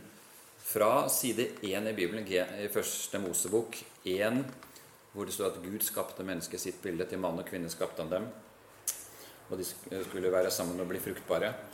Som er starten på mor-far-barn-relasjonen og ekteskapet. Og til det femte siste verset i Bibelen, i Johannes' åpenbaring 22, vers 17, hvor det står at 'bruden roper, kom, Herre Jesus'. Bruden roper. Altså, det er Kristus som er brudgommen, og vi i menigheten som er bruden. Og Det er et bilde som, og en illustrasjon som går igjen i flere sammenhenger i Bibelen. Og I, Israel, i Gamle testamentet så er det Israel som er bruden, og Gud er brudgommen. Og På mange måter så er eh, et ekteskap mellom mann og kvinne en et avbilde og en speiling av relasjonen mellom Kristus og menigheten. Og vi har mye felles kan jeg si, ved at vi skal etterligne Jesus som bruden for ham. Og det samme skal vi gjøre i ekteskapet, brud og brudgom. Og Grunnleggende tekster om ekteskapet de er jo godt kjent, men bare for å være helt sikker på at vi alle er klar over at det er så klart uttalt i første Mosebok 1.27 og 2.24 Gud skapte mennesket i sitt bilde. I Guds bilde skapte han det, som mann og kvinne skapte han dem. Gud velsignet dem og sa til dem, vær fruktbare og bli mange, fyll jorden og legg den under dere. Og så ute i kapittel 2, 24. Derfor skal mannen forlate sin far og sin mor og holde fast ved sin kvinne eller sin hustru, og de to skal være én kropp. Og Jesus sier i Matteus 19.: har dere ikke lest at Skaperen fra begynnelsen av skapte dem som mann og kvinne og sa:" Derfor skal mannen forlate far og mor og holde fast ved sin kvinne eller sin hustru, og de to skal være én kropp. Og det som Gud har sammenføyd, skal mennesker ikke skille. Og Da er det jo veldig interessant å se på den siste setningen er i avsnittet med 'Derfor skal mannen forlate sin far og mor'. For det, det er et uh, veldig interessant uh, vers som på mange måter uttrykker i kortform hva hele Bibelens lære om ekteskapet og forståelse er. For Hvis vi ser på hvert enkelt av ordene i dette ene verset, så er det altså Derfor skal mannen forlate sin far og sin mor, altså en voksen, selvstendig person, forlate der de voksne, mannen vokste opp, altså mor og far. Oppbrudd, ny livsfase, ny lojalitet. Det er ikke lenger eh, foreldrene som er de nærmeste pårørende. Nå er det kona eller ektefellen som er nærmeste pårørende. Det er en ny enhet. Så er det forlate sin far og sin mor, som jo er den naturlige familien med mor og far. Og så holde fast ved. Det er altså en ny familie og en ny sosial enhet og livslang trofasthet. Og så synes jeg Det er veldig interessant at det ordet 'holde fast ved' det kan også oversettes med 'være limt sammen med'. Eller som det står på noen engelske oversettelser 'klynge seg til hverandre'. Altså Det er noe som virkelig holder sammen. Det er noe varig. Og så sin kvinne, eller som det godt kunne vært oversatt, dette er Bibel 2011, men sin hustru. Det er altså mann og kvinne, to kjønn som tilhører og utfyller hverandre på mange måter. Og så er det de to, et par bestående av én mann og én kvinne. De skal være en prosess med kjærlighet, læring og utvikling. Én kropp eller et legeme. En unik enhet mellom mann og kvinne som igjen fører til familie og vanligvis foreldreskap. Så dette er jo veldig forenklet, men samtidig ganske dyptgående. For dette er stikkord på eh, essensen av det som er Bibelens lære gjennom hele Skriften fra første Mosebok til åpenbaringen 22. Og det syns jeg er en pedagogisk enkel måte også overfor barn å forklare øh, hva egentlig ekteskapet er for noe ut fra Bibelen og ut fra kristen tankegang. Da har jeg lyst til at vi skal dele ut et ark. Og det må jeg få litt hjelp til her. Så hvis uh, du kunne administrere det for meg ved å få noen personer til å hjelpe ja, Du kan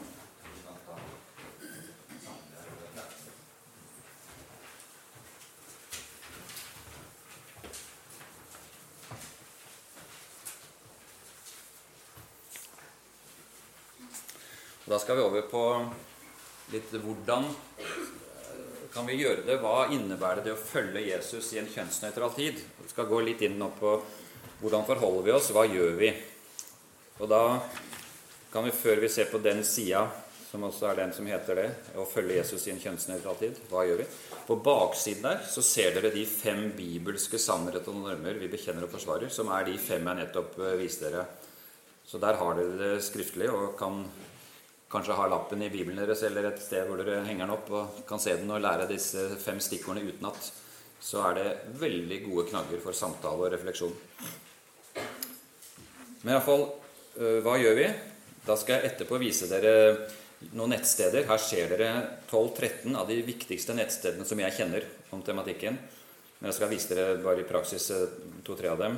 Men dette er virkelig nettsteder som gir mye stoff til selvstudium og eventuelt utgangspunkt også for samtaler og sånn. Og er det noe vi trenger, som sagt, så er det kunnskap. Og der har dere en del av det. Og det er det det starter med også disse setningene nedenfor nå. Handlinger og holdninger. Eh, skaff deg kunnskap. Kunnskap skaper frimodighet. Dann en studiegruppe med noen kristne venner. Eller kanskje en studiegruppe som også kan bety noe for menigheten ved at du, dere kan støtte lederskapet, en ressursgruppe. Bruk nettstedene ovenfor aktivt, og anbefal dem til andre. Sett et mål for å lese og lære, f.eks. en time i uka i tre måneder. som jeg nettopp nevnte for dere. Og så et viktig råd. Husk at meningsmotstandere er medmennesker som Gud elsker. De er ikke fiender. Er det noe som er veldig trist nå i vår tid, så er det jo ikke blant kristne primært, men også i samfunnet, hvor folk ser på hverandre som fiender og begynner å kansellere hverandre, opplever at vi kan ikke ha noe med dem å gjøre. De er kort og godt fiender. Vi må som kristne motarbeide det kraftig og si at nei, våre meningsmotstandere de er nettopp det. De er ikke fiender. De er medmennesker som Gud elsker. Og det, Der har vi en stor fordel og kan kanskje være med å bety en forskjell i samfunnet. At den der fiendekulturen kan bli i hvert fall mildnet ved at vi ikke følger med på den. Møt andre med nåde og sannhet, og start med nåden. Eh, først vær nådig, vennlig, imøtekommende uten å gi slipp på sannheten. Men det er ikke sikkert du skal fortelle alt du mener eh, om de tingene som handler om dette første runde, hvis ikke det er en samtale som eh, du aldri får igjen, og du treffer kanskje ikke den personen siden. Men i hvert fall hvis det er en relasjon over tid, så tenk langsiktig, og begynn med mye nåde. Vær vennlig, saklig og respektfull.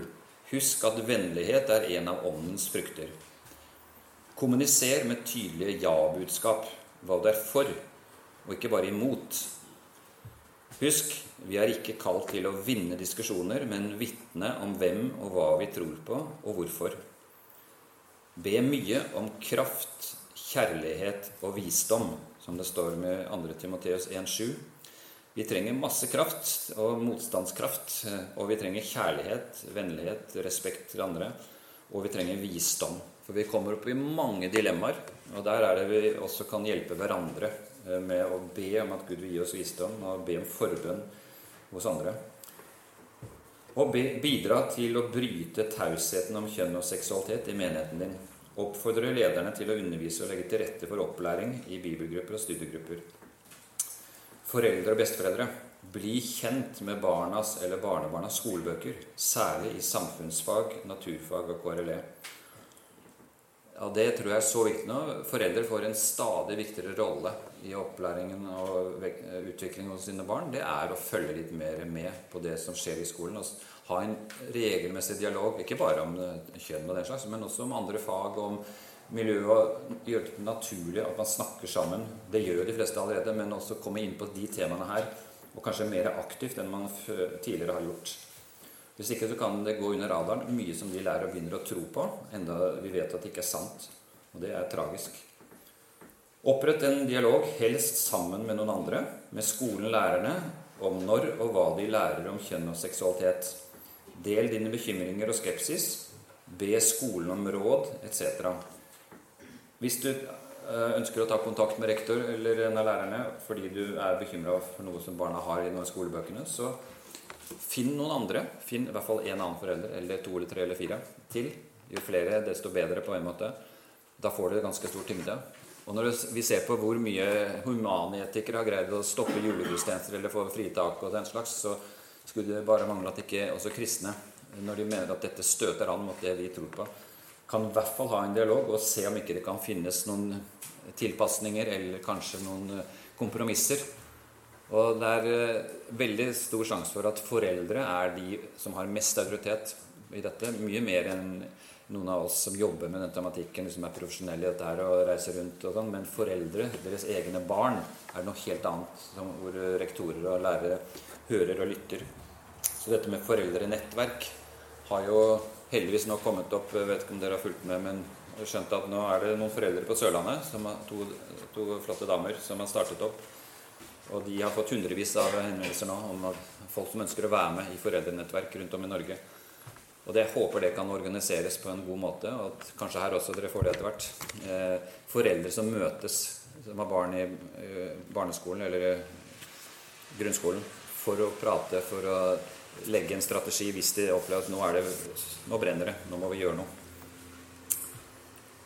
Men møt skolen i første runde med en spørrende holdning og si at vi syns dette er vanskelig. Hvilke råd vil dere gi? Hvordan kan dere hjelpe oss? For det er jo uttalt i opplæringsloven og andre steder at det skal være et nært samarbeid mellom hjem og skole. Det har vært et slagord i mange generasjoner. Slagord. Og det er det fortsatt. Så en nær relasjon mellom hjem og skole. Og det må vi ta på alvor. Det har vi rett til å virkelig be om at det blir virkelighet. Så er det da noen bibelvers nederst til refleksjon og bønn. Så det lille arket der, det kan dere jo ta vare på hvis dere vil. Og repetere litt og ha det kanskje som utgangspunkt under en samtale i en bibelgruppe. Ta for seg punkt for punkt, dele litt hva dere tenker, og kanskje be underveis og sånn. Så har jeg lyst til å da ser jeg litt på noen nettsteder. Eller ikke se på, men vise dere. Først er det 'Velkommen til mor, far, barn', som er det første nettstedet. Der kom det opp, ja. Da vil jeg bare vise dere noen få av menyene på morfarbarn.no. Den første det er et eh, kurs, et gratis nettbasert kurs fra morfarbarn, som da heter Samlivsrevolusjon. Det er et kurs om kjønn, seksualitet, LHBT pluss og kristen tro. Kurset består av fem frittstående temaer som gir kunnskap og fremodighet i møte med utfordringene fra LHBT pluss og pride-ideologi. Tro mot sannheten og kjærlighet. Det er gratis, samtalebasert og svært fleksibelt. Med PowerPoint og øh, videoer og diverse. Så skal ikke jeg gå veldig detaljert inn her og vise hvert, selvfølgelig, men bare vise at uh, hvert tema Det er fem temaer her, som, øh, pluss et sånn et kort, et kortkurs, som består av følgende ting i hver, hvert tema. Det er videoundervisning på en 40-45 minutter hver av videoene hvor jeg underviser. Og vi har også delt opp sånn du kan vise hver sekvens eh, separat hvis du vil det. Og så er det en papirversjon hvis man vil bare sitte med lysbildene på papir. Og så er det en selve powerpoint-presentasjon, som er sånn som jeg gjør nå med dere. Har, det er mange av de samme bildene som jeg har vist dere i dag. Forekommer i en av disse fem temaene. Og da er det lagt ferdig. Det er bare å klikke seg inn og så begynne å bruke det. Eller du kan putte inn egne lysbilder som du har lyst. Bilde av oppslag i en avis, eller du har lyst til å gjøre noe annet enn eh, et par av bildene. Du kan stryke ut setninger, du kan putte inn dine egne. Bruk det som ditt eget, som om det var ditt eget. Og husk, det er grenseløs frihet til å gjøre akkurat det du vil med disse PowerPoint-bildene. Så de er ment som en gave eh, fra morfar barn til alle dere som vil bruke det. Enten til selvstudium eller til eh, å ha i grupper eller til undervisning for menigheten. Sånn. Og så er det detaljert bakgrunnsstoff til hvert av disse fem hovedtemaene. Og det betyr da at her vil du se hvert enkelt bilde som forekommer i den sesjonen, med bakgrunnskunnskap. Her eksempel, er det de, den vi så i første timen her, med noen sentrale årstall fra Stortinget og lovgivning, hvor det da står hvert årstall. Hva var det som ble vedtatt, og hva foregikk? Og, så det er jo veldig nyttig. Så dette er sånn voksenopplæring og ungdomsopplæring på hvert bilde. Har du det gjennom hele kurset, hvis du vil bruke det. Så er det en annen se, En annen uh, hovedmeny her. Nei, er ikke ennå tilbake ut av kurset. Det er uh, der. Her er det en egen uh, meny med konverteringsterapi. Hvis du har lyst til å lese en del av de virkelig gode høringsuttalelsene som var i fjor, og som er like gyldige i år Både litt sånn artikler her først, og så er det høringssvar fra noen sekulære og kristne aktører. Nei, ikke kristne, men sekulære og kritiske aktører. Riksadvokaten, Nasjonale statsadvokatembetet osv. Og, og her er noen andre nettverk og organisasjoner som også har veldig bra stoff. Og så er det rent kristne organisasjoner og kirkesamfunn som også har flere av dem har veldig gode, grundige Som tilbakeviser veldig med det som står i lovforslaget. Så her er det altså pluss andre artikler nedenfor. Her er gullgruve av veldig verdifulle ting i forbindelse med den tematikken. Og det siste jeg skal vise, det er da ressursark. Mange av de arkene som ligger på bordet bakerst her i salen, de er jo hentet Jeg bare laster dem ned eller kopierer dem da, ut. Eh, her f.eks.: Syv grunner for ikke å delta i pride-parader. Som er en sånn tekst som du kan bare printe ut. Eller du har eh, 20-30 andre nedover her. Det er bare å klikke inn, og så er du der. Og mange av dem kan brukes altså, som gruppeopplegg og samtale om innholdet. F.eks. her lov om endring av juridisk kjønn fem år etter. hvor vi, Det var et par år siden hvor vi hadde en annonse hva som skjedde egentlig. Det er 2016. Hvor uansvarlig det ble vedtatt. Og vidtrekkende konsekvenser som vi advarte mot, mange av oss. Og så er det 'Hvor er vi i dag?' på den tematikken. Men Jeg skal ikke vise flere, men her er det altså et eh, stort omfang av eh, veldig verdifullt stoff som er drøvtygget fra vår side. Vi har tenkt på hver eneste setning, for vi vet at her kan vi bli angrepet. Så vi, vi har foreløpig aldri blitt angrepet for uetterretteligheter eller at noe vi sier er feil. Så det er veldig, veldig mye innhold på kort, eh, kort plass, som én side bare. Så her har dere bare et utrolig flott utgangspunkt for å starte med litt selvskolering. Og sette deg et mål en time i uka, f.eks. Så er det bare å begynne der. Og så finner du andre linker og andre ting etter hvert som vi går over til. Men i hvert fall så er det noe som eh, ligger der, helt uh, gratis og tilgjengelig. Så skal jeg skrive inn bare et annet nettsted. Det da Nei, jeg greier ikke det, kanskje. Ja. Klikke. Ja, der, ja. Ja, selvfølgelig. Yes, takk. Da skriver jeg inn skeivteori.no. For det er et nokså nytt nettsted. Ja, det, det er med der, da. Som eh, er eh, Ja, abonner som er laget av uh, Kristent Ressurssenter, som han Truls Olufsen Mehus er sentral i.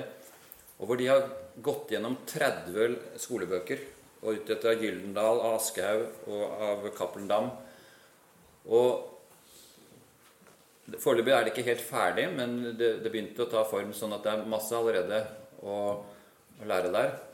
Skeiv teori i skolebøkene. Her går de da klasse for klasse gjennom naturfag, samfunnsfag i første runde der. Og f.eks. her på tredje-fjerde klasse naturfag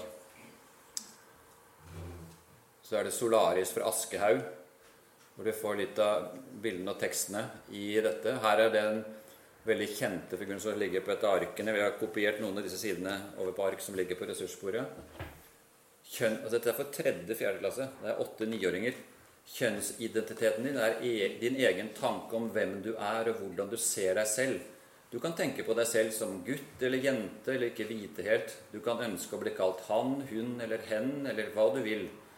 Babyer kan ikke fortelle om de føler seg som gutt eller jente.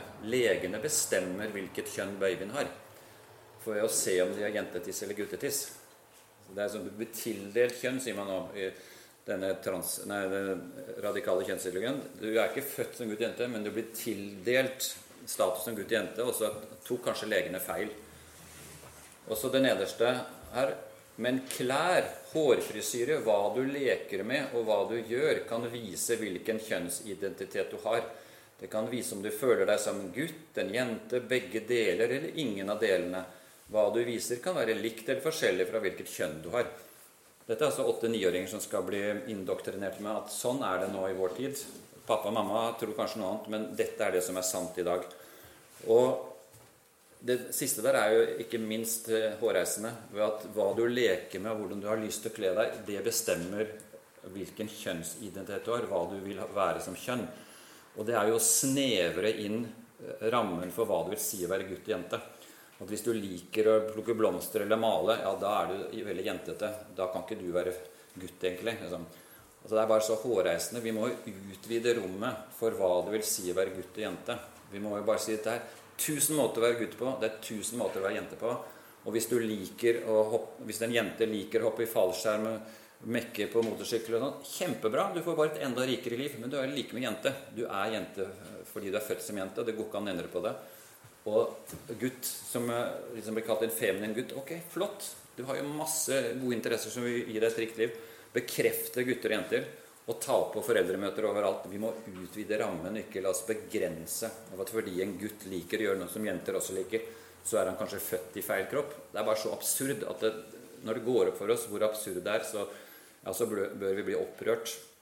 Hvor altså barn kan bli satt i bås og kanskje til og med begynne med hormonpreparater når de kommer litt opp i årene, fordi de har blitt bekreftet på at ja, du, du er nok kanskje det motsatte kjønn, du.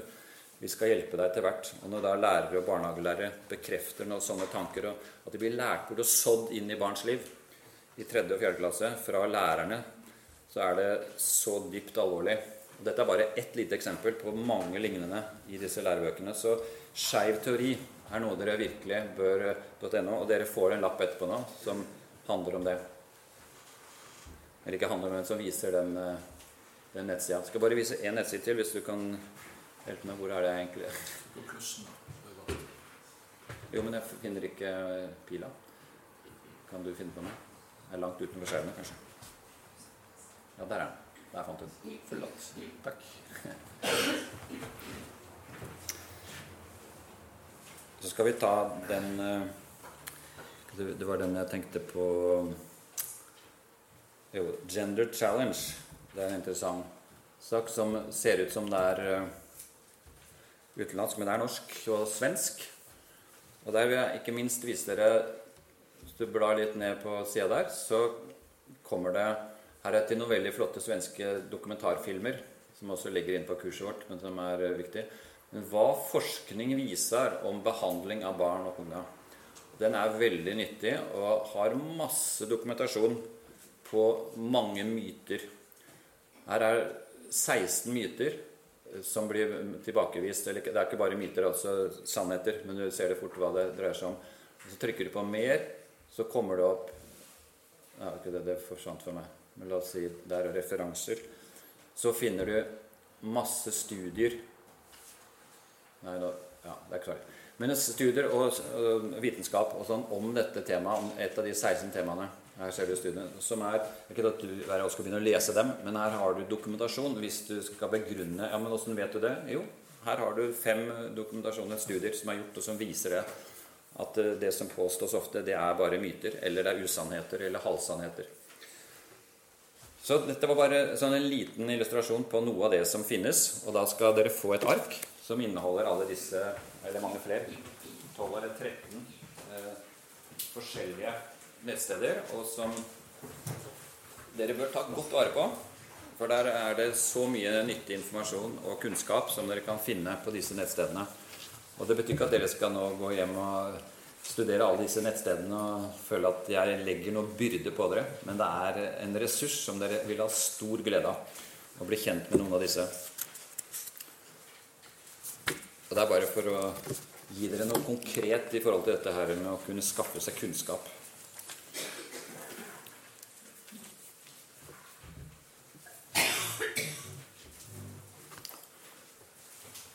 Da nærmer vi oss eh, slutten på min intervensjon, mitt foredrag her, før vi skal over på litt eh, åpen mikrofon og mulighet til å komme med kommentarer og spørsmål og sånn. Men jeg har lyst til å vise to bibelvers til slutt. Det, det trenger vi, tror jeg. I hvert fall eh, syns jeg det er veldig flott. Og avslutte med et par bibelvers som setter det litt i perspektiv.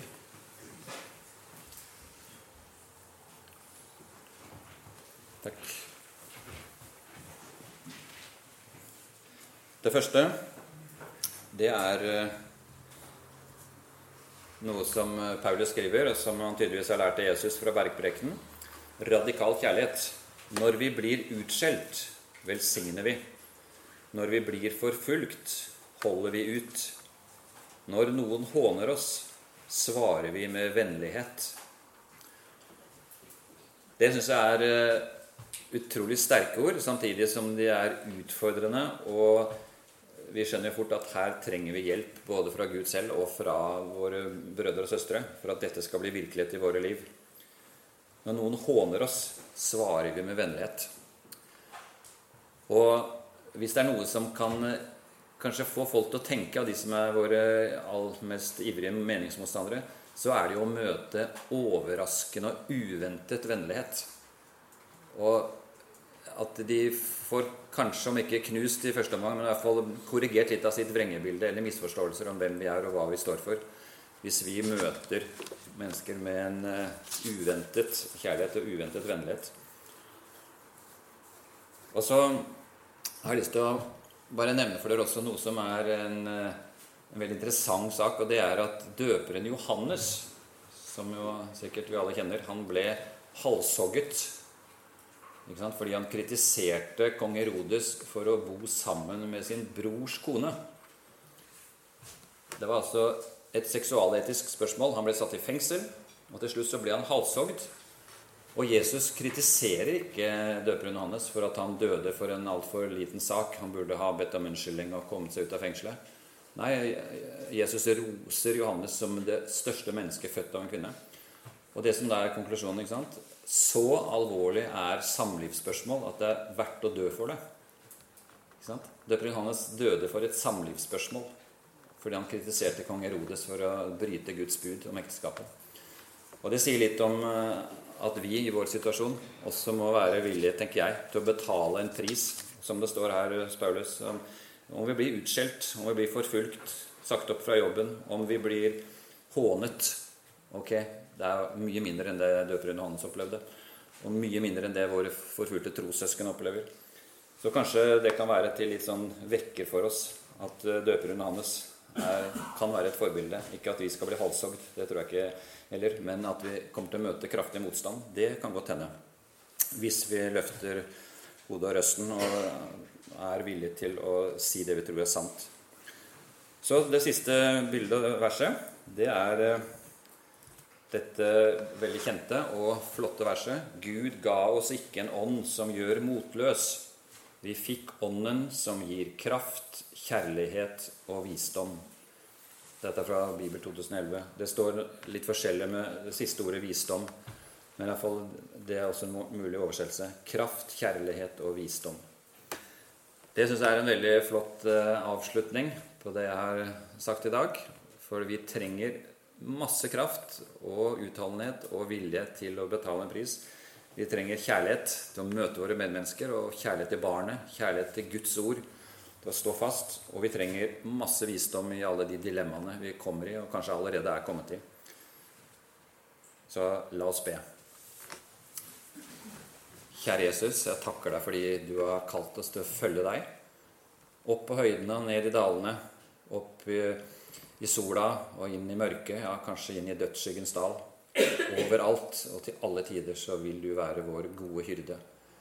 Takk, Jesus, fordi vi får tilhøre deg.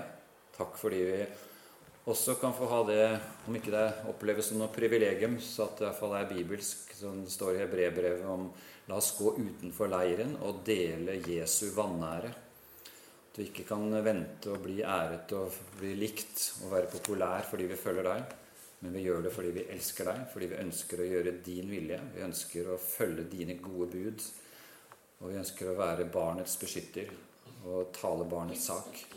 Og takk, Jesus, fordi vi kan ha deg som forbilde. Og ikke bare som frelser og herre, men som forbilde for det livet du vil at vi skal leve. Også i motgang, og når vi virkelig møter det som oppleves som hån og forakt og kanskje hat. Og Jesus, hjelp oss å leve i deg og i ditt ord, og med vår identitet i deg, fordi du lever i oss. Amen.